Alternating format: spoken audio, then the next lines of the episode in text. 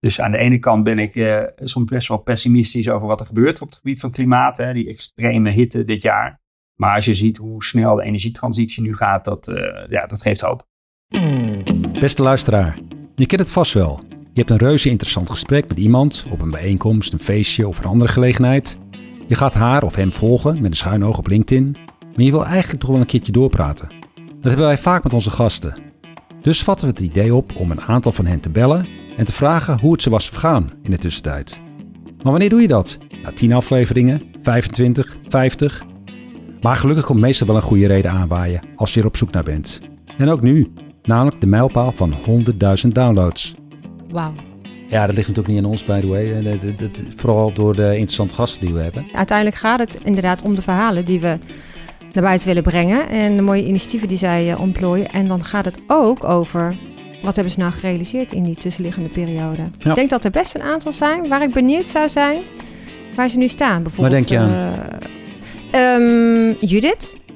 Judith Maas. Van de SDG's. SDG Nederland. Lijkt me heel leuk om haar nog eens te spreken. Ja. Uh, SDG's uh, ambitie halfway. En, um, moet sneller. Het moet sneller, inderdaad. En wat hebben ze dan tot nu toe gedaan? Zijn ze daar succesvol in geweest? Ook richting nou, beleidsplannen voor Nederland. Dus ik ben benieuwd wat, wat, wat Judith te vertellen heeft. Voordat we Judith opbellen, misschien goed om nog even een korte recap te doen. Wat zijn die SDG's ook alweer? Zodat je wellicht ook niet de hele aflevering opnieuw hoeft, te, uh, hoeft af te luisteren. Dus even een uh, fragmentje uit de podcast van mij. De SDG's. De ja. meest um, uh, duurzame agenda die we met z'n allen hebben afgesproken. Dus 193 landen van de wereld zijn het over eens gekomen dat deze doelen nodig zijn om in 2030 de planeet zo te hebben ingericht dat hij voor altijd mee kan. Dus dat is een hele ambitieuze agenda heel breed. Er zitten sociale doelen in, groene doelen. Uh, uh, die voor alle landen in de wereld relevant zijn en waar we met z'n allen voor aan de slag moeten.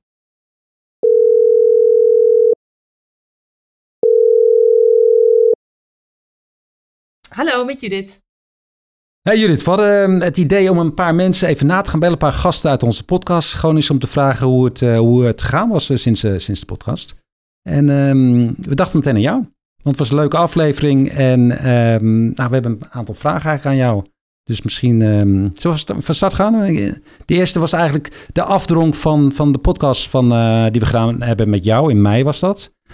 Was toch dat we, je zei van we moeten toch wel gaan versnellen om die SDG-doelen daadwerkelijk te gaan halen. Dan vragen wij ons af van, joh, is die versnelling er gekomen? Zie je die om je heen? Um, nou ja, of we versneld zijn, vind ik moeilijk te zeggen.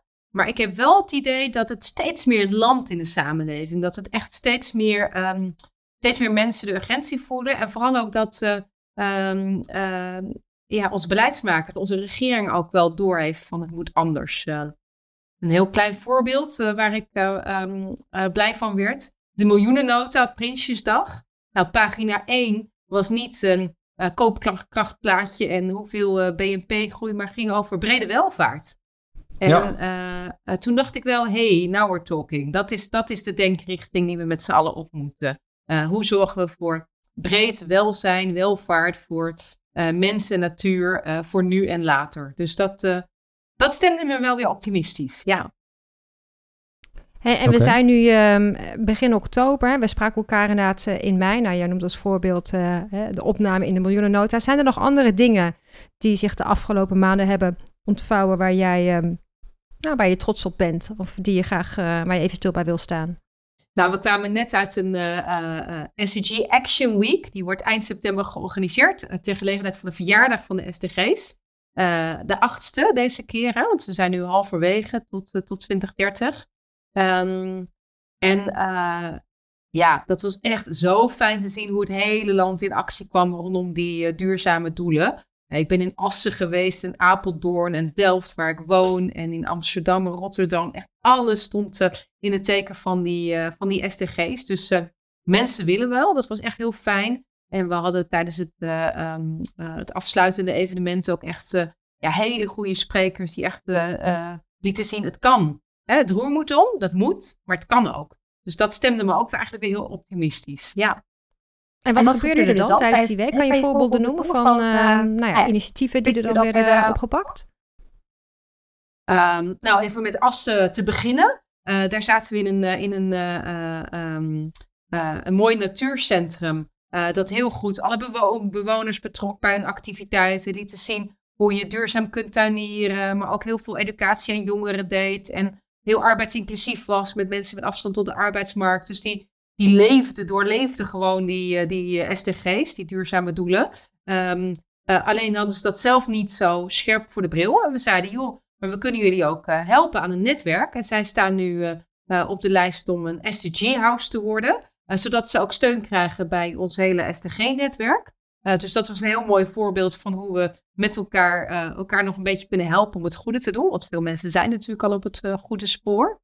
en wat ik ook heel inspirerend vond, was tijdens um, het afsluitende evenement sprak burgemeester Marcouch van, van Arnhem. En die uh, had een heel mooi verhaal. Hij probeert op lokaal niveau iedereen te betrekken bij die opgave om sociale en groene duurzaamheid te krijgen. en we vroegen hem, nou, we zijn net begonnen met een campagne rondom een duurzaam regeerakkoord. wilt u dat tekenen? eigenlijk hadden we, hadden we verwacht, oh, maar bureaucratie en moeilijk en ik moet de BMW. En, en hij zei, ja, ik heb dat hier met BMW besproken en we gaan ervoor, we gaan tekenen. Want we ja, willen gewoon de nationale overheid oproepen om een duurzaam regeerakkoord te gaan uitvoeren in het volgende kabinet. Ja, dat, dat geeft de burger moed. Ja, ik, ik zag je post inderdaad op LinkedIn dat Arnhem was de eerste gemeente die dat gedaan had, toch? Klopt, ja. Ja, op de dag van de lancering. Dus ze zijn een van de eerste ondertekenaars. Ja. En dat duurzaam regeerakkoord is eigenlijk een, een manifest waarin we. het is niet partijpolitiek, hè? dus het is helemaal niet stem eh, VVD, stem GroenLinks, stem alles wat er tussen of, of rondomheen beweegt. Het is hoe mhm. gaan we met elkaar zorgen dat we al het beleid dat we maken een positieve impact heeft op, op nu en later, op hier en elders. Um, dus we vragen aan het kabinet, het nieuwe kabinet, zorg nou dat je aan een aantal knoppen draait om die duurzaamheid te versnellen. dus nou, waar we het de vorige keer over hebben, echte, voer echte prijzen in, uh, waarin alle impact wordt gemeten. Koop zelf eens duurzaam in als overheid. Want als je zelf je beste beetje voorzet, dan komen de anderen ook wel. Um, zorg dat we het belastingssysteem wat eerlijker verdelen. Als je nou minder belasting heft op armoede en meer op, op vervuiling en vermogen, dan um, kunnen mensen die echte prijs ook veel makkelijker betalen. En verandert er eh, in de portemonnee eh, eh, van, de, van, van 90% van de mensen aan het einde van de maand eigenlijk helemaal niet zoveel. of, of niks. Of komen ze zelfs positiever uit. Um, en zorg nou dat al je financiering consequent bijdraagt aan, aan het goede. Dus ja. stop even met die fossiele subsidies alsjeblieft. je vertelde trouwens, um, volgens mij was het ook in de podcast of LinkedIn, dat haal ik soms wel eens door elkaar. Um, maar de, over dit, een voorbeeld op, op het ministerie was je en daar deden ze inderdaad true pricing, waardoor uh, mensen wel uh, zeg maar een euro betaalden, maar wel zagen dat wat ze kochten voor een euro, dat de daadwerkelijke prijs eigenlijk drie euro zou moeten zijn, ik noem maar wat. Zie je dat soort initiatieven meer gebeuren om je heen? Ja, klopt. Het was bij infrastructuur en, en, en water en um, buitenlandse zaken, die zitten samen in één gebouw. En daar kon je er inderdaad dus voor kiezen van, oh, ik zie de echte prijs, laat ik die ook wel betalen. Of in ieder geval wat er zou gebeuren als je die echte prijs rekent. En dat betekent helemaal niet een verdubbeling van de prijs hoor. Het gaat dan om een kilo bananen om uh, eh, 17 cent extra. wel weer extra en, en de prijzen stijgen ook. Dus daarom zeggen we, voer dat alleen in als je ook zorgt dat mensen gewoon meer geld te besteden hebben. Want dan kunnen ze ook echt kiezen met hun portemonnee. Um, ja, dat is een beetje een lastige periode natuurlijk nu met stijgende inflatie en dat soort zaken. Om het dan nu te introduceren misschien. Nou, dat vraag ik me dus af. Ik denk dat je, het, uh, dat je dus eerst iets met die belastingen moet gaan schuiven. Hè? Want waarom, waarom hef je geen belasting op alle inkomsten? Waarom wordt arbeid zo ontzettend, ontzettend zwaar belast en inkomsten uit andere bronnen nauwelijks? Dus doe daar even ja. iets aan. hef meer belasting op vervuiling. want dan, ga je, dan stimuleer je mensen om duurzame investeringen te doen. En dan houden mensen, dat is ook echt heel netjes voorgerekend door de Big Four, hè, EY en uh, KPMG, PwC en, uh, en Deloitte. dan, dan kunnen mensen, um, hebben ze ook gewoon meer te besteden om die echte prijzen te kunnen betalen zonder dat ze daar financieel op achteruit gaan. Want we moeten op dit moment van, van individuele burgers ook niet vragen om meer, meer ehm, geld uit te geven aan duurzaamheid. Want dat past inderdaad niet. Maar als we dat in het systeem kunnen regelen, ja, dan gaat die verduurzaming sneller. Ja, ja. En dat is ook de inhoud van het brede welvaartsplan wat, waar, waar jullie voor staan. Ja, dus die duurzame regeerakkoordcampagne zegt precies dat. Maak eerst dus een uh, toekomststrategie voor Nederland. Dus echt uh, boven de heigerige alledaagsheid. Maak echt een lange termijn visie van hier willen we heen. Zo ziet onze samenleving eruit. Als we die duurzame energietransitie door zijn. Als we uit die stikstofcrisis zijn. Zo willen wij boeren, mensen, burgers, alle doelgroepen in één samenleving verenigen. Zo ziet er dat voor ons uit. Um, en daarbij moeten we aan deze knoppen gaan draaien. En zo gaan we dat regelen. Dus, dus die, die um, duurzame toekomststrategie is denk ik belangrijk. Dan heb je in zo'n systeem ook altijd een, um, een waakhond nodig. Dus wij willen ook een regeringscommissaris verantwoordelijk voor die integrale duurzaamheid. Die echt oplet um, en naast het kabinet gaat staan van mensen, als we deze keuze maken, heeft dat dit en dit tot gevolg. Dus dat is denk ik een belangrijke. En het um, laatste punt uit ons duurzame regeerakkoord is: betrek ons. vraag ons niet eens in de vier jaar of eens in de twee jaar naar de stembus te gaan. Maar ehm, betrek ons voortdurend. ga met ons in gesprek. Moedig onze lokale initiatieven en onze coöperaties aan. Betrek ons bij deze opgave, want we moeten het echt samen doen. Uh, de allerbelangrijkste knop waar je aan kan draaien als, als burger, als, als consument spullen, eigenlijk, spullen. is minder spullen. En ja. het wordt zo ontmoedigd om ja. je spullen te repareren. Dus ja. zeker elektronica, die zijn zo verlijmd zo dat je echt niks kan vervangen. En um, we hadden toevallig een repair race op ons podium tijdens de SDG Action Week. En um, hoe lang denken jullie dat het duurt om zo'n. Um, vaak gaat zo'n telefoon um, kapot tijdens. Uh, tijdens met het, met het USB-poortje. Hoe lang denk je dat het duurt om zo'n USB-poortje te vervangen van een, van een telefoon? van, een, van een Fairphone moet ik zeggen, want die is zo gemaakt dat die repareerbaar is. Fairphone heel snel. Dat, dat, moet, dat moet heel snel gefixt zijn. Want het is op het, het, podium twee mensen die niet waren voorbereid, die dus gewoon een, een Fairphone en een schroevendraaier in hun handen kregen. En uh, de um, uh, uh, ene was, nee, ik moest even een leesbril zoeken en zo, maar de ander had het echt in 2,5 minuut gefixt. Dus in 2,5 minuut vervang je zo'n zo'n poortje. Ja. En ik weet dat het voor heel veel mensen reden is om die hele telefoon weg te gooien. Omdat je dan moet je. Ja. Weet je, ja. het is net buiten de garantie. Je moet weer naar zo'n café toe. Je hebt al een verouderde versie. Je krijgt net een nieuwe aanbieding. Dat als je nu een telefooncontract afsluit voor nu twee jaar dus hoeveel van die enorm kostbare uh, uh, telefoons gooien wij niet weg? Met alle ja. kostbare grondstoffen, kobalt, hè, die door kinderhandjes ja. uh, worden gewonnen in ja. mijnen. Hoeveel gooien we nou niet weg? En ik denk of dat die kabeltjes waar jij het over had tijdens de podcast. Die stomme kabeltjes, kabeltjes die, die, de hele tijd kapot gaan. En daar aan de ene kant moeten consumenten zich daar denk ik beter bewust van zijn.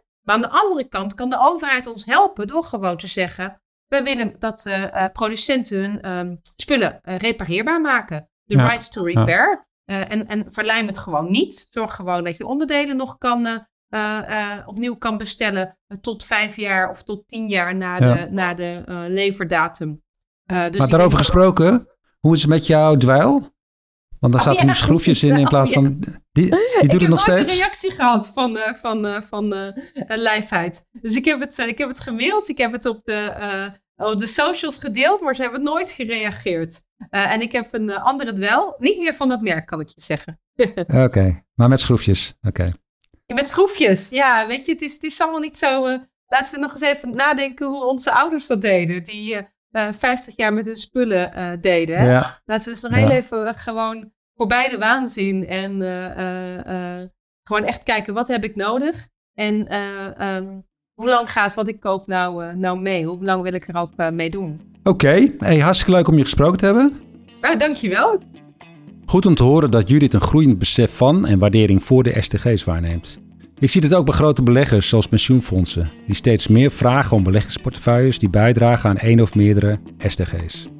Omdat het heel complex is, heeft het tijd nodig gehad om zich te vertalen in modellen. Bij BNP Paribas Asset Management werken we met data van het bedrijf Matter, waardoor we kunnen inschatten in welke mate inkomsten van bedrijven gelieerd zijn aan bepaalde SDG's. En daardoor is het in principe mogelijk om maatwerkportefeuilles te maken voor die grote beleggers die impact kunnen maken op de SDG's die zij willen. Dus we zijn er nog niet, maar er is wel een positieve ontwikkeling zichtbaar. Tim van Hattem spraken we in mei samen met Arjan Berghuizen en toen was er net groen licht voor het gaan realiseren van hun plan NL 2120. Er moest wel nog een heleboel geregeld gaan worden en uh, ik ben eigenlijk benieuwd hoe dat, uh, hoe dat gegaan is in de tussentijd. Hallo, met Tim uh, van Hattem. Tim, leuk dat we jou uh, uh, even kunnen spreken. Dat je tijd voor ons uh, wil maken in jouw drukke programma. Um, want wij hebben elkaar afgelopen mei gesproken voor de laatste keer over, samen met Arjen Berghuizen, over jullie plan voor Nederland. Nederland over 100 jaar en hoe gaat dat eruit zien? Daar hebben jullie ook financiering voor gekregen vanuit het Groeifonds. Um, en je gaf toen aan, jullie zitten nu in een soort van, of toen zaten jullie in een soort van kwartiermakersfase. Verschillende partijen zijn erbij betrokken, onderzoekers, natuurorganisaties, bedrijfsleven, onderwijs. Um, en die moeten allemaal gaan samenwerken. En ik ben heel benieuwd hoe dat er nu voor staat. Kan je daar iets over vertellen? Ja, we, uh, we, we zijn uh, ongelooflijk hard bezig met, uh, met al die partijen om, om het programma op te starten. Officieel starten we op 1 januari. gaat het programma echt van start. Dus we zitten nog steeds in de kwartiermakersfase. Maar we beginnen wel in een fase te komen dat iedereen heel ongeduldig eh, aan het worden is om aan de slag te gaan. Dus dat is een heel goed teken. En uh, ja, we zijn met iedereen nu echt aan het bedenken van, uh, nou ja, wat gaan we nou concreet doen? We hebben een hele hoop uh, nou ja, papierwerk gehad om, om de groeifonds, ehm, ja, om de subsidie, om dat allemaal goed in te regelen. Uh, maar we zijn nu echt, uh, ja, we zijn nu echt heel stevig gaan nadenken. Ja, welke concrete stappen gaan we nu nemen? Wat gaan we nu concreet doen? Uh, om iedereen daarin mee te nemen. En ja, met een hele grote groep mensen. Om die vanaf 1 januari aan de slag te krijgen. Dan gaat ook die periode van vijf jaar in, Tim? Want je had het erover toen in, in, mei. Over vijf jaar moeten we daadwerkelijk iets laten zien om, om verdere financiering te krijgen. Dus een aantal doelstellingen moeten we dan gehaald hebben. Ja, dat klopt. Ja, dus de, dus, uh, dus de eerste vijf jaar die start uh, vanaf 1 januari. En uh, okay. ja, dan moeten we, moeten we echt dingen gaan realiseren. Ja. En kan je al iets schetsen van ehm, wat er dan als eerste op de planning staat? Of zit daar een soort van de routekaart die dan met elkaar uitwerkt? Ja, we hebben um, eind van deze maand hebben we een tweedaagse. Dan gaan we met alle partijen eigenlijk heel concreet die routekaart invullen.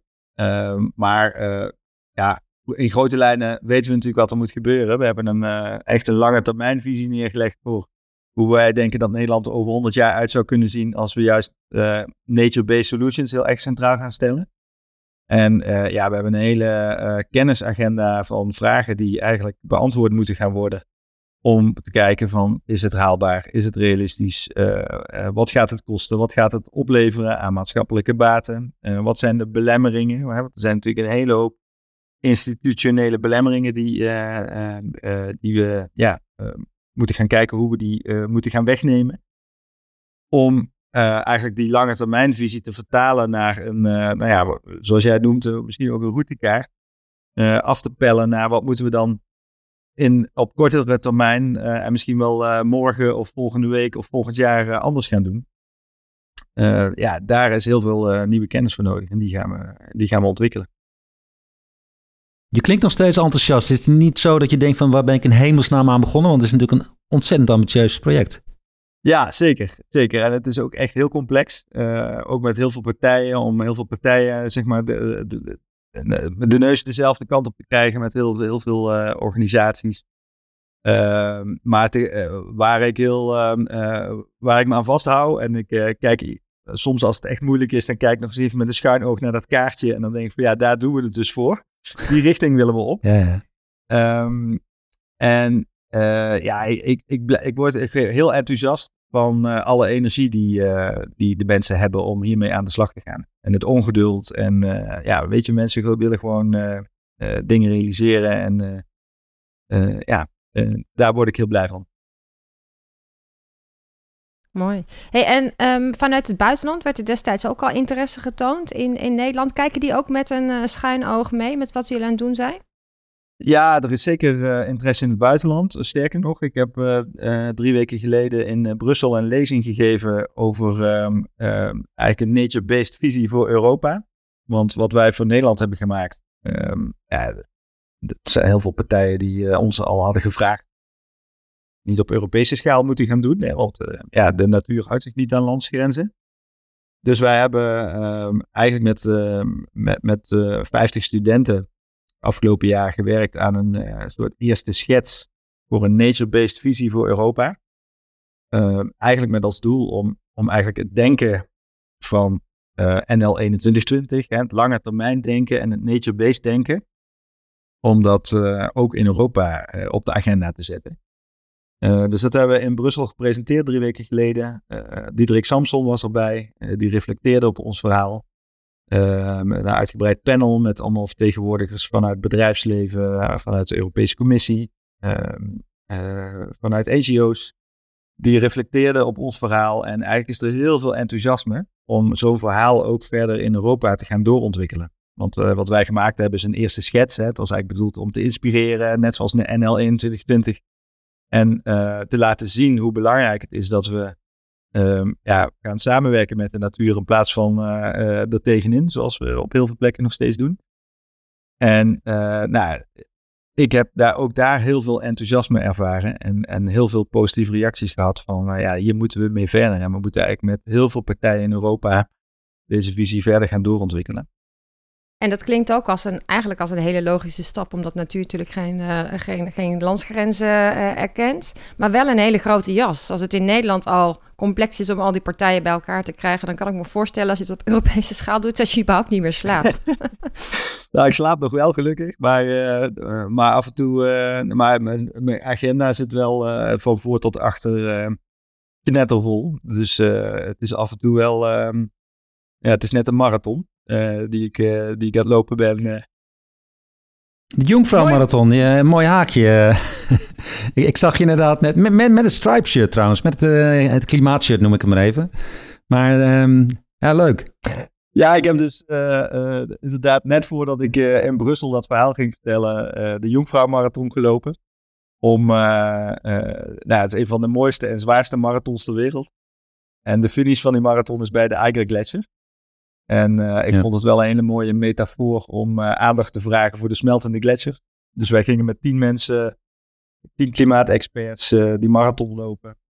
met een Climate Stripe t-shirt aan, inderdaad. Ja. Nou ja. om aandacht te vragen voor het belang van klimaatactie. En ook het belang van die smeltende gletsjer.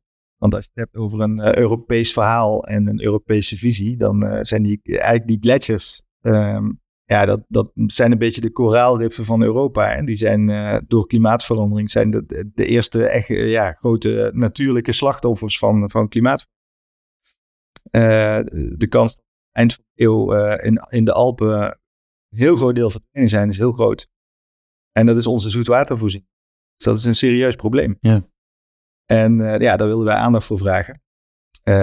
op deze ludieke manier. Nou, het is heel zwaar. En uh, ja, ik vergelijk de aanpak van klimaatverandering ook vaak met een, met een marathon. Hè, van, je hebt een marathon. Uh, uh, ja, is een lange termijn aanpak nodig. We hebben een heel helder doel, de anderhalve graad. Ehm, maar de tijd dringt. En, um, en, en, en, en het parcours wordt, voor, voor, voor, om, om, om de, de top te halen, zullen we maar zeggen, om de finish te halen, wordt steeds steiler en ingewikkelder en zwaarder. En uh, ja, ook de aanpak van klimaatverandering zal heel zwaar worden dus. Ja, hm. het vereist wel wat bloed, zweet en, uh, en tranen. Uh, res groot respect voor hoe je dat ook nog eens een keer tussendoor plant. Is het gelukt? Heeft het jullie exposure gegeven? Of heb je die aandacht op, op, tijdens die marathon of met die marathon ook kunnen vestigen op die urgentie? Ja, onze, dus we hadden een beetje, onze slogan was uh, It's not too late to run for climate. Hè? Want, want dat is eigenlijk de kernboodschap uh, nou, ook van uh, het laatste IPCC-rapport en ook van mijn boek, The Only Planet. van het is nog niet te laat. Hè? We, we hebben de oplossingen, we weten wat er moet gebeuren, we moeten het alleen nu gaan doen. Nou, die boodschap die, ehm, die, die zong goed rond, vond ik. ik. was een paar keer op de radio bij BNR Duurzaam en met Oog op Morgen. En uh, we stonden in de AD, in de krant, uh, met ons verhaal.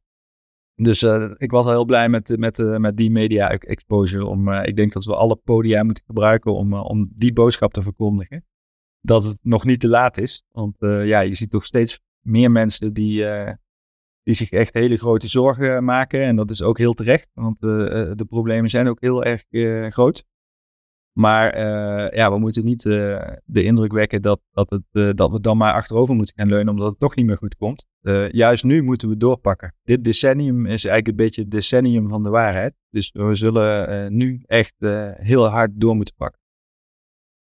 Ja. Nou, kernachtige boodschap, denk ik. En naast het oog ook in onze ESG-podcast. Dus nou, nu heb je helemaal een groot publiek. Dus alle reden om positief vooruit te kijken. Dank je, Tim, voor deze update. Mogen we misschien over een halfjaartje, want dan zitten jullie natuurlijk midden in de, eh, de uitvoering, gaat de schop de grond in. Mogen we dan nog eens uh, bellen? Jazeker. Ja, uh, dat mag altijd. Ja, graag zelf. Klaske Kruk is de ongekroonde koningin van de circulariteit, die stad en land afreist om haar missie uit te dragen. Want zij wil een verschilmaker zijn. En eigenlijk vindt ze dat marketeers dat ook meer moeten worden maar dan wel voor de goede zaak.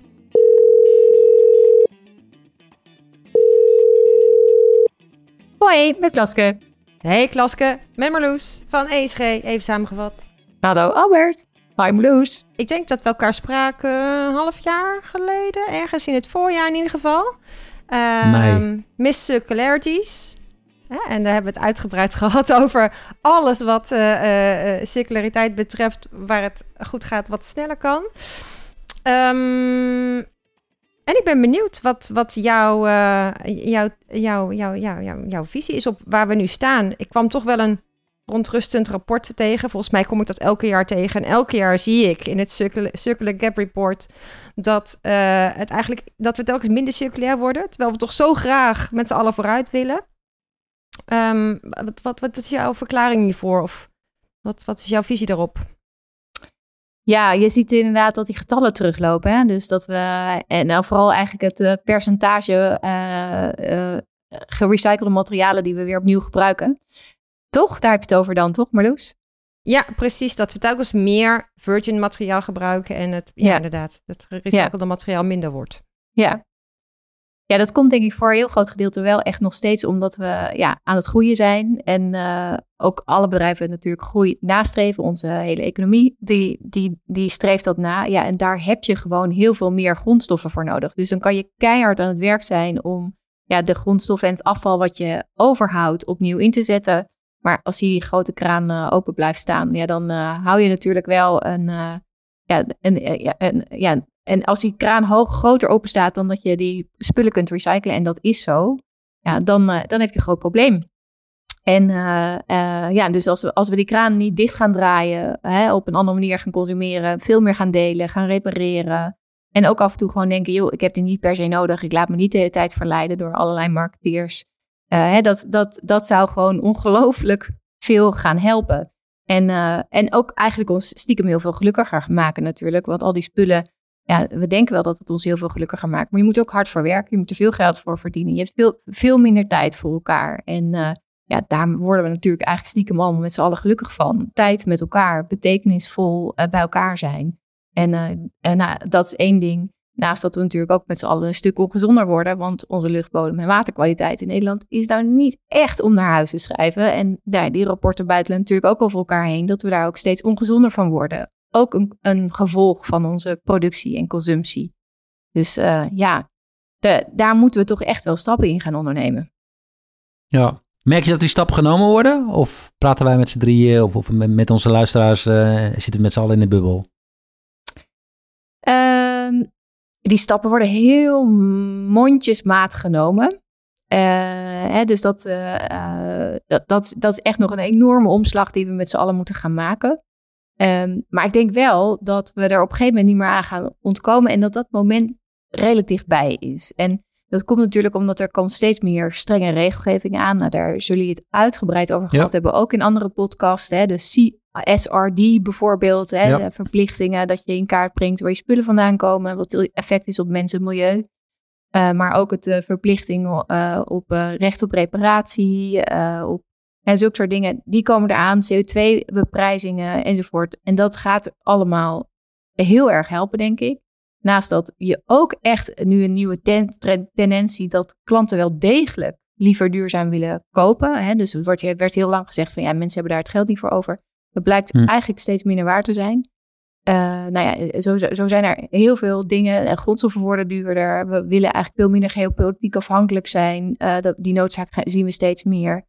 Uh, ja. banken willen eigenlijk niet meer investeren in bedrijven die niet duurzaam zijn, enzovoort. Dus er zijn heel dus zou moeten helpen allemaal.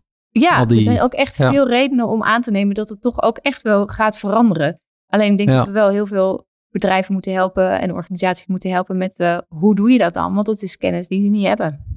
Ja, ik zag je ook op LinkedIn uh, langskomen met uh, Thijs Timmerman. Uh, waarbij um, jonge marketeers um, ja, les gaf. Of, of, in ieder geval wat, wat, wat meer uitleg gaf over circulariteit. Dat is denk ik wel heel goed. Hè? Dat, dat, want tot nu toe zat het helemaal niet zo in opleidingen. Of ik denk helemaal niet in, in, in opleidingen. Dus als je daarmee gaat ehm, beginnen. Ja, oké, dat heeft misschien niet meteen effect. Maar op, op, op het langere duur natuurlijk wel. Het heeft mij bijvoorbeeld echt geholpen, weet je. Ik, heel even nog. Uh, want ik dacht circulariteit, joh, ja, oké, een beetje recyclen en zo. En toen begon jij met die hele airladder en zo. Maar dat, eh, bij mij heeft het wel geholpen. Dus ik kan best voorstellen dat andere uh, ja, jongere marketeers... Die, die ook dat hele... ja, die, die niet het goede verstaan van circulariteit... Die, die althans niet inzien dat het veel breder is dan een beetje een plastic scheiden. Dat dat wel kan helpen op natuur. Ja, ja, wat we daar proberen te doen is uh, dat we, uh, wat we eigenlijk zeggen is van ja, marketeers die zijn natuurlijk echt uh, opgeleid om juist dat hele lineaire systeem keihard te faciliteren. Dus zoveel mogelijk, zo snel mogelijk kopen, dat eigenlijk zo snel mogelijk ook naar de prullenbak gaat, zodat jij weer zo snel mogelijk weer nieuwe spullen komt kopen. En wat dat betreft zijn marketeers natuurlijk echt professionele gedragsbeïnvloeders. maar kunnen ze dus ook ons heel erg helpen om op een andere manier te gaan consumeren. Dus misschien wel uh, wat langer sparen en iets van betere kwaliteit kopen. Of uh, iets tweedehands te kopen. Of iets eerst even te laten repareren. Of uh, nou ja, enzovoort. En marketeers spreken natuurlijk heel veel met klanten. En kunnen dus ook met klanten op onderzoek uitgaan hoe ze hun product kunnen verduurzamen. En als zij zich omdraaien naar hun eigen bedrijf, dan, ja, dan ja, als de klant iets wil, dan wordt er echt wel naar geluisterd. Dus dat zijn allerlei mogelijkheden. En dan heb ik nog maar het tipje van de sluier opgelicht. Waar marketeers een heel groot verschil in kunnen maken. En wat wij nu hebben gedaan is met de brancheorganisaties NIMA en PIM en uh, dus ook de uh, Thijs hè, van de Hogeschool Utrecht, een lector, uh, die heel veel weet over marketing, om ons te verenigen. En eigenlijk die marketeers die ook zelf heel graag eigenlijk wel een veel betekenisvollere baan zouden willen hebben, te gaan kijken van nou, hoe zouden we ze nou hebben, welke goede voorbeelden hebben we al, wat kunnen we er nou aan doen om ze zover te krijgen. En Thijs is natuurlijk een, hè, die zit in het, in, veel meer op de hogeschool en de studenten. Maar waar wij ons heel erg op begeven is, wat kunnen nou uh, mensen in een baan, in, hè, dus de mensen die nu aan de knoppen kunnen draaien, hoe kunnen we die nou helpen om zinvolle stappen te maken? Uh, dus, dus die kennis die we daar ontwikkelen en de, de beweging die we daar creëren met een hele grote groep marketeers al, ja, die, die, die proberen we eigenlijk te versnellen nu met de mensen die uh, nu ook het verschil kunnen maken. Ja, dus het is, niet, alleen brengen, maar ook halen van kennis. Dat is interessant inderdaad. Ja. ja. En het ook samenbrengen met studenten. Want ik denk ook, ja. uh, denk in de jongere generatie zit natuurlijk ook heel veel drive. Ja. En ook heel veel slimme inzichten van. En misschien nog wel weer meer bewustwording dat het anders moet. Niet bij iedereen, Zeker. maar die, die breng je dan ook bij elkaar, studenten en marketeers. Ja, dus het is eigenlijk wat we, wat we doen, is eh, de kennis die we ontwikkelen, die uh, is zowel beschikbaar voor studenten als voor gewone professionele marketeers. Of mensen die iets met marketing doen, uh, om dat, dat te laten zien. En, daarmee, en we hebben echt een gierend grote groep aan marketeers in Nederland. Uh, dus dat, dat, dat zou, als dat allemaal eigenlijk uh, professionele gedragsbeïnvloedaars worden, dan, uh, nou, dan zie ik, dat, zie ik het toch nog wel hoopvol tegemoet. dan moet er toch wel een deuk in een pakje boter kunnen slaan, zou je zeggen. Ja. En als er okay. marketeers hier in de, in de luisteraarspool zitten en die denken, nou, ik wil toch wel graag een meer positievere wending geven aan mijn, aan mijn vak, dan kunnen ze jou bellen, Absoluut. mailen. Zeker weten. LinkedIn. Met, met open arm ontvangen. Ja. We zullen ook wat in de show notes zetten, Marloes, inderdaad, hierover. Dat is leuk. Ja. Ja. Oké. Okay. Ja. Nou, dank je, Klaske. Mag Oh, ik sorry. nog één, één, één Ja, tuurlijk mag jij nog. We begonnen Tuurlijk. toch best wel een beetje van... Oei, het moet allemaal sneller en lastig. En de vorige keer gaf je zo'n mooi voorbeeld van... ehm, in de vorige gesprek gaf je zo'n mooi voorbeeld van een mooi circulair initiatief. En dat ging over medische instrumenten. Ik vroeg me af, heb je gewoon nog een fijne, hoopvolle afsluiter? Een mooi bedrijf of een initiatief wat je langs hebt zien komen de afgelopen maanden... waarvan je denkt, ah, die zijn echt lekker bezig. Nou ja, eh, waar ik zelf echt heel veel tijd nu zelf in steek. En dat is dan niet een voorbeeld van een ander, maar iets wat we met een hele grote groep doen. Mag dat ook? Eh, Ja hoor, dat mag ook. dat is. eh, ehm, ja, we hebben een, een, een netwerk, eh, dat heet de Verschilmakers. Dat zijn eigenlijk allemaal mensen die aan circulaire economie werken, overal in alle regio's van Nederland. Er zitten meer dan 850 mensen aan vast. En ja, da- daarvan zeggen nu eigenlijk ook alle provincies en, eh, eh, en allerlei regiopartijen die zeggen van ja, dit, dit, we, moeten gewoon met elkaar veel meer gaan leren en kennis uitwisselen tussen regio's en, en, en, en aan allerlei verschilmakers die we al hebben in Nederland. En dat begint gewoon echt heel veel vorm te krijgen en te, te geven. En dat is echt een mega project waarin we zoveel specifieke kennis aan elkaar kunnen koppelen en mensen in de regio's bij elkaar kunnen brengen die weer kennis met elkaar uitwisselen. Dat ik ook daarin heel erg geloof dat we een enorm verschil kunnen maken. En ook daar ben ik gewoon heel hoopvol in dat dat een, eh, die circulaire economie in de haarvaten van ons mooie Nederland eh, terecht doen laten komen. Dus dat, eh, dat, is een, dat, dat is een ander project waar ik heel blij en hoopvol van word. Mooi. De verschilmakers dus. Die kunnen De we verschilmakers. opzoeken en vinden. Leuk. Precies. Heel fijn. Nou, dankjewel. Ja,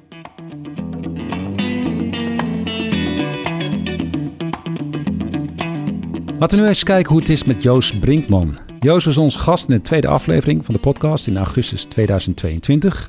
Zijn ster is reizende, want afgelopen juli was hij te gast in een aflevering van de avondetappe van NOS, waar hij het wielercircus de maat nam op het punt van duurzaamheid. We hebben zelf ook een aflevering gemaakt over verduurzaming van de wielersport, met Twan van Schie van Beat Cycling. De link naar deze aflevering 31 staat in de show notes. Hallo, met Joost. Hey, hey Joost.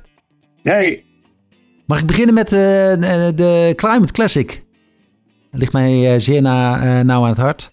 En ik hoorde eh, jou nog zeggen in augustus toen we jou eh, spraken... ehm, dat je hem internationaal wilde uitrollen. Kun je daar iets meer over zeggen? Ja, dat is nog steeds het doel. Want eh, ja, ons plan is om ervoor te zorgen dat we in 2025 in 25 landen een, eh, een Climate Classic-achtige tocht hebben. En Zo, dat is heel ambitieus. Ja, dat is vrij ambitieus. Maar we, nou ja, net als Ja. met het klimaatbeleid, daar moeten we, kunnen we niet ambitieus genoeg in zijn, bij wijze van spreken. En, eh, maar dat is eigenlijk wel goed gelukt. Want we hebben in eh, mei van dit jaar was het voor het eerst eh, in Polen een tocht. Waarbij echt een ontzettende enthousiasteling eh, ervoor zorgde dat er in één keer 300 man op de fiets zaten. Dus Zo. dat eh, ging supergoed. Eh drie weken geleden was eh, Frankrijk voor de tweede keer. Dit keer ook met bijna 200 deelnemers. En eind van ik, ja. deze maand eh, dan, eh, ja, gaat onze voormalig klimaatgezant Marcel Beukenboom eh, de eerste editie in Rome organiseren. Hij geeft zelf Oh, wat aan goed, dat het nog een bescheiden versie zal zijn. Maar ik ga ervan uit met al het, het bereik van deze podcast... dat er ook zeker 50 man aan de start zullen staan. Oh, tof. En zijn het dan Oh, allemaal lokale, lokale wielrenners die mee fietsen? Ja, absoluut. Nou, ik heb zelf wel natuurlijk eh, de, de kans gepakt om zelf naar Polen te fietsen. Dus vanuit, eh, net niet vanuit Nederland, maar wel vanuit eh, flink halverwege Duitsland in vier dagen naar Gdansk gefietst. Dus dat was een hartstikke mooie tocht. Maar het is Oh. natuurlijk gewoon het idee dat het eh, een decentrale organisatie is. En dat decentraal mensen enthousiast zijn, het, het idee begrijpen. En eigenlijk hebben we, het concept is drie C's. Dus het moet echt een flinke challenge zijn. Het moet klimaatgerelateerd zijn, dus even climate. En als derde, er moet een commitment achter zitten. Dus mensen, als ze meedoen, is dat niet vrijblijvend, maar ze moeten ook zelf een, eh, ja, echt eh, iets gaan doen voor het klimaat. En de race zelf is ook klimaatneutraal? Of, ehm, Nou, de race zelf, we hebben voor onze event in Nederland hebben we inmiddels een berekening gedaan. En dat gaan we dubbel eh, compenseren. Deels eh, natuurlijk via mijn eigen initiatief Synkit, maar deels ook via initiatieven als Trees for All en Fair Climate Fund. Eh, dus die events, we, ja, we nodigen, we dagen wel alle organisatoren uit om dat ten eerste natuurlijk met zo min mogelijk footprint te doen. En twee, ook gewoon helemaal veganistisch eh, zover mogelijk. En om die uitstoot uiteindelijk eh, te compenseren. Dus het is zeker niet de bedoeling altijd dat jij eh, binnenkort naar Spanje fietst, omdat ze daar ook een tour gaan doen. Oké, duidelijk. Hey, maar uh, Sinkit gaan we zo meteen over hebben. Maar nog even over je optreden um, bij, uh, bij de Tour van, uh, van, van de zomer. Ik bedoel, ja. je, je, begon klein bij ons. Maar um, ja. dat was goed, man. Dat, was, dat, dat deed je echt complimenten hoe je dat deed. Misschien kan je er iets meer over vertellen? Ja, dankjewel. Degene die het niet gezien hebben. Nee, ik was inderdaad... nee, dat was hartstikke mooi. We hebben eigenlijk vorig jaar na juli... Nee, toen was het al gebeurd. Uh, Dylan van Baarle die vond uh, vorig jaar de Parijs-Roubaix. Met een, uh, toen nog in het Ineos shirt. En dat, uh, nou, daar ergerde ik me een beetje aan. Dus ik dacht, we moeten eens kijken waar komt dat geld eigenlijk in, hè, bij al die grote tourploegen vandaan. En toen... Ja, Ineos is een groot, groot chemieconcern, hè? Ja, voor alle ja, duidelijkheid. Ja, ja, voor alle duidelijkheid. Niet, niet de meest schone partij op aarde. Maar toen ging nee, ik eens na, nee. nakijken naar alle andere sponsoren in de Tour. Hè, van de grote wielerploegen. UAE, Bahrein, ehm, uh, Astana, dat zijn allemaal niet uh, de meest. Of er zijn een hoop ploegen die gesponsord worden door partijen waar je eigenlijk niet uh, mee geassocieerd zou willen worden, zou ik zeggen. Dus toen zijn we een onderzoek gestart naar, wat, nou, naar duurzaamheid in het profpeloton. En dat leverde nogal weinig reacties op. Maar uiteindelijk wel een klein stukje in de trouw. En naar aanleiding daarvan werden we benaderd in mei van dit jaar door de, de redactie van de avondetappe. Dat ze, omdat ja. er vorig jaar ook in de Tour uh, wegbezettingen waren. Mensen van Extinction Rebellion-achtige partijen die, uh, nou, die, die, die, die de koers lam legden. En dat ja. leek me een goed idee om, uh, om dat onderwerp ook te agenderen tijdens de uitzending. En ja, toen mocht ik daar wat komen vertellen. Dus dat was hartstikke... Ja, wat je supergoed had voorbereid trouwens. Echt, echt prima. Je echt puntsgewijs, bam, bam, bam. Het hoogtepunt vond ik toen uh, Marcel Kittel, dat is een ex-wielrenner, die zat daar ook. En die vroeg op het laatst nog even, ja, maar wat kan ik er dan aan doen? Zo'n beetje met, met, met uh, impliciet van, ja, maar ik kan er toch niks aan doen, moeten die grote bedrijven. En toen antwoordde Joost hem in drie seconden met vijf punten die die, waar hij zelf aan kon werken. Dat was, was uh, strak nee, dat, dat, ja. was, nee, dat was ook een waanzinnig mooie ervaring. En ik ben de NOS ook enorm dankbaar dat zij dit onderwerp op die manier agenderen. Want dat heeft ja. een aantal nieuwe vrijwilligers voor onze organisatie opgeleverd. En uh, ja, ben je denk ik ook, ja, weet je, daar kijken echt heel veel mensen naar, want ik, uh, mijn WhatsApp ontplofte daarna. Dus uh, nee, dat is goed. Ja, ik kan me voorstellen. Ja. ja. En als je nou leuk vindt om We meer zetten te de link nog over... even in de show notes. Ja, ja en, ook, en ook als je meer wil weten over duurzaamheid in de wielersport. We hebben daar ook een aflevering over opgenomen met Twan van Schie van Beat Cycling. Die uh, voor Beat ook een hele duurzaamheidsstrategie heeft uh, geschreven. En ook heel haarfijn uitlegt uh, waarom de wielersport, de professionele wielersport, toch nog niet zo heel duurzaam is. Ondanks dat iedereen zou denken, fietsen, dat kan toch niet uh, duurzamer. Maar het is ook leuk om terug te luisteren. Dan misschien ja. toch even het haakje naar, uh, naar Sinkit, Joost. dat noemde je toen. Ja. Um, en ook als onderdeel van jouw samenwerking of jouw, jouw rol binnen Daryl. Daar hebben we ook met Jeroen Hazenwinkel en Tim, en Tim over gesproken. Kan je wat meer vertellen over wat, wat Sinkit precies inhoudt?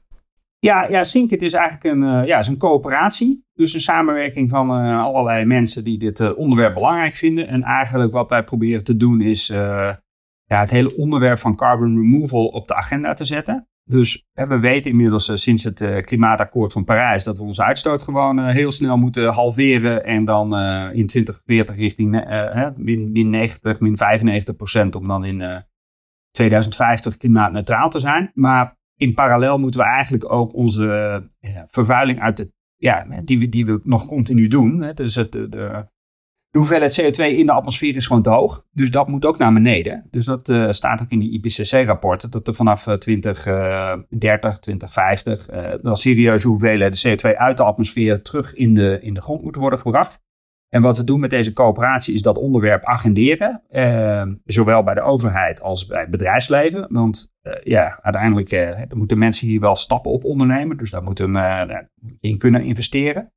en eigenlijk de aanleiding is het feit dat in het, hè, je kunt nu ook al je CO2-uitstoot compenseren. Maar als je echt CO2-uitstoot wil compenseren en zeker wil weten dat die CO2 ook de komende 100 jaar niet weer terug de atmosfeer in komt. Daar zijn gewoon heel weinig goede, goede projecten voor en weinig goede credits.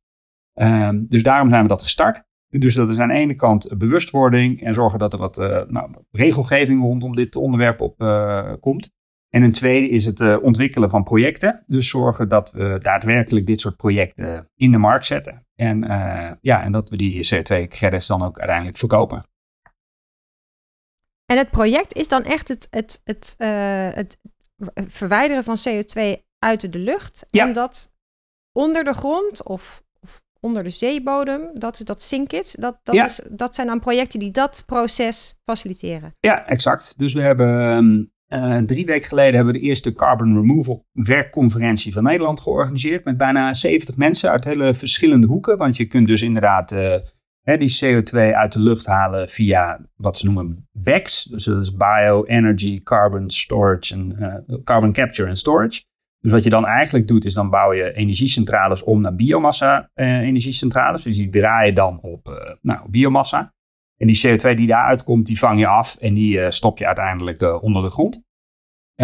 Dus dat is een optie. Een andere optie is, die vaak genoemd wordt, is DAX. Dat staat voor Direct Air Capture. En dat betekent eigenlijk dat je van die hele grote ventilatoren hebt die, ja, die, die de lucht, ja, die CO2 die in de lucht zit eruit halen. En dat, ja, uiteindelijk moet je dat dan ook opslaan.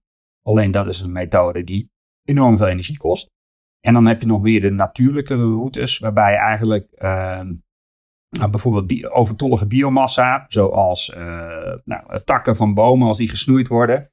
Hè, als je die pyrolyseert, dus dat betekent dat je ze een soort van verbrandt, maar zonder dat je daar heel veel, eigenlijk onder, met weinig zuurstof, dan verbrandt het niet echt, maar dan wordt het een soort houtskool. En als je die houtskool uiteindelijk in de grond toevoegt, dan heeft dat bodemverbeterende eigenschappen. En wat je dan doet, is dan heb je eigenlijk via die boom de CO2 uit de lucht gehaald en daarna ervoor gezorgd dat die uh, honderden jaren vast blijft. Dus ik ben net terug uit een, uh, van een uh, ja, business trip naar Oeganda, of all places. Want in Nederland hebben we niet echt veel overtollige biomassa. Dat is allemaal vergeven. Dat wordt overal, in Nederland zijn we super efficiënt en dat wordt allemaal op een goede manier gebruikt. Maar in Oeganda, daar verbouwen ze bijvoorbeeld heel veel koffie. En de schilletjes van koffie, ja, die eh, worden niet gegeten. Die worden uh, daar lokaal uh, verbrand of soms terug op het land gegooid. Uh, dus we zijn nu aan het testen van kunnen we dat soort enorme stromen pyrolyseren en uiteindelijk terugbrengen in de grond. Want dat voorkomt ook dat ze daar kunstmest moeten gebruiken. Dus dat is een soort van oplossing die aan alle kanten ja. helpt. En er ook voor zorgt dat die boeren daar wat meer gaan verdienen. Is dat een wat meer natuurlijke oplossing ten opzichte van die andere twee? Ja, het is... omdat, omdat, je uiteindelijk werkt ook aan, aan bodem, bodemverbetering. Ja, dat is een soort van extra toegevoegde waarde. En het is, het is aan de ene kant natuurlijk, ja, omdat je, ja, je hebt gewoon biologische of uh, ja, biomassa reststromen die je gebruikt. En aan de andere kant zit er wel een stukje techniek in om het te pyrolysen, maar het is vooral veel decentraler dan die andere oplossingen. Zo'n BEX, dat is echt, nou, dat is een mega grote centrale en uh, dat moet je dan afvangen en uiteindelijk uh, ergens onder de grond stoppen. En dit kan uh, ja, veel decentrale niveau. Dus bijvoorbeeld op een, een, punt waar al die boeren hun koffie heen brengen om het te laten wassen, zoals we dat noemen. Ja, daar komen die stromen samen. En als je dan daar zo'n machine neerzet, het daar lokaal processt en die boeren een zak met biochar mee teruggeeft, dan is de cirkel rond. Dus aan de ene kant ben ik soms best wel pessimistisch over wat er gebeurt op het gebied van klimaat. Hè, die extreme hitte dit jaar. Maar als je ziet hoe snel de energietransitie nu gaat, dat, uh, ja, dat geeft hoop. Oké, mooi. Nou, dat is mooi om af te sluiten, toch, denk ik? Nou, ik, mag ik nog één vraag tot slot? Is er nog een, een, een project of iets wat er borrelt bij jou waarvan je zegt, hè, de vorige keer uh, waren er ook, er zijn altijd soort van borreltjes uh, in jou waarvan je denkt, oh, daar moet ik iets mee. Is er nog iets wat borrelt waar je al een tipje van de sluier kan oplichten? nou, niet enorm, denk ik. Ja, ik heb nog steeds het idee van die vleesvrije generatie, maar dat, uh, ja, ik kom er gewoon niet aan toe. Dus als er nog luisteraars zijn die het leuk vinden om na de rookvrije generatie ook de vleesvrije generatie uh, in het leven te roepen en uh, ervoor te zorgen dat er diverse vleesvrije restaurants, kantines en dat soort dingen komen, dan meld je. Ik heb de URL en ik, ik, ik geef hem graag door aan iemand die er werk van kan maken. Ik hoor een soort uh, link met uh, de, uh, de recap die we net met Klaske hebben gedaan. Want die, hè, die wil graag marketeers een nieuwe zinvolle, oh. een zinvol onderwerp geven. Nou, ik zie hier marketeers die graag een wending willen in hun carrière. En die, zich in willen zetten om een soort campagne voor vleesloos of vleesvrij te doen. Ja. Misschien is dat een mooie connectie tussen jullie twee. laat maar komen. Heel goed. Dankjewel Joost. Graag gedaan. Dank je Joost. Joost gaf ons na de podcast destijds zijn versie van het boek Less is More van Jason Nickel mee. De boekbespreking daarvan was het onderwerp van aflevering 3, ook in de show notes te vinden. Ben je geïnteresseerd in het boek Less More van Jason Hickel? Stuur me dan een bericht op LinkedIn. De eerste die dat doet, stuur ik graag mijn exemplaar toe. We mogen al niet klagen over de animo van gasten, potentiële gasten voor onze ESG-podcast. Maar het is wel opvallend dat zich een trend begint af te tekenen, want een optreden in de ESG-podcast is eigenlijk een opstapje naar meer. Kijk naar Tim, die verscheen in Met het oog op morgen. Kijk naar Joost op de avondetappe van de NOS. Als je nou zegt of denkt van, nou, ik vind dit echt een onderwerp of een, een gast wiens perspectief je echt moet horen, laat het ons weten. Dan uh, zijn we heel graag bereid om te kijken nou, hoe we ook dat kunnen agenderen in, uh, in de komende maanden. Ja, leuk.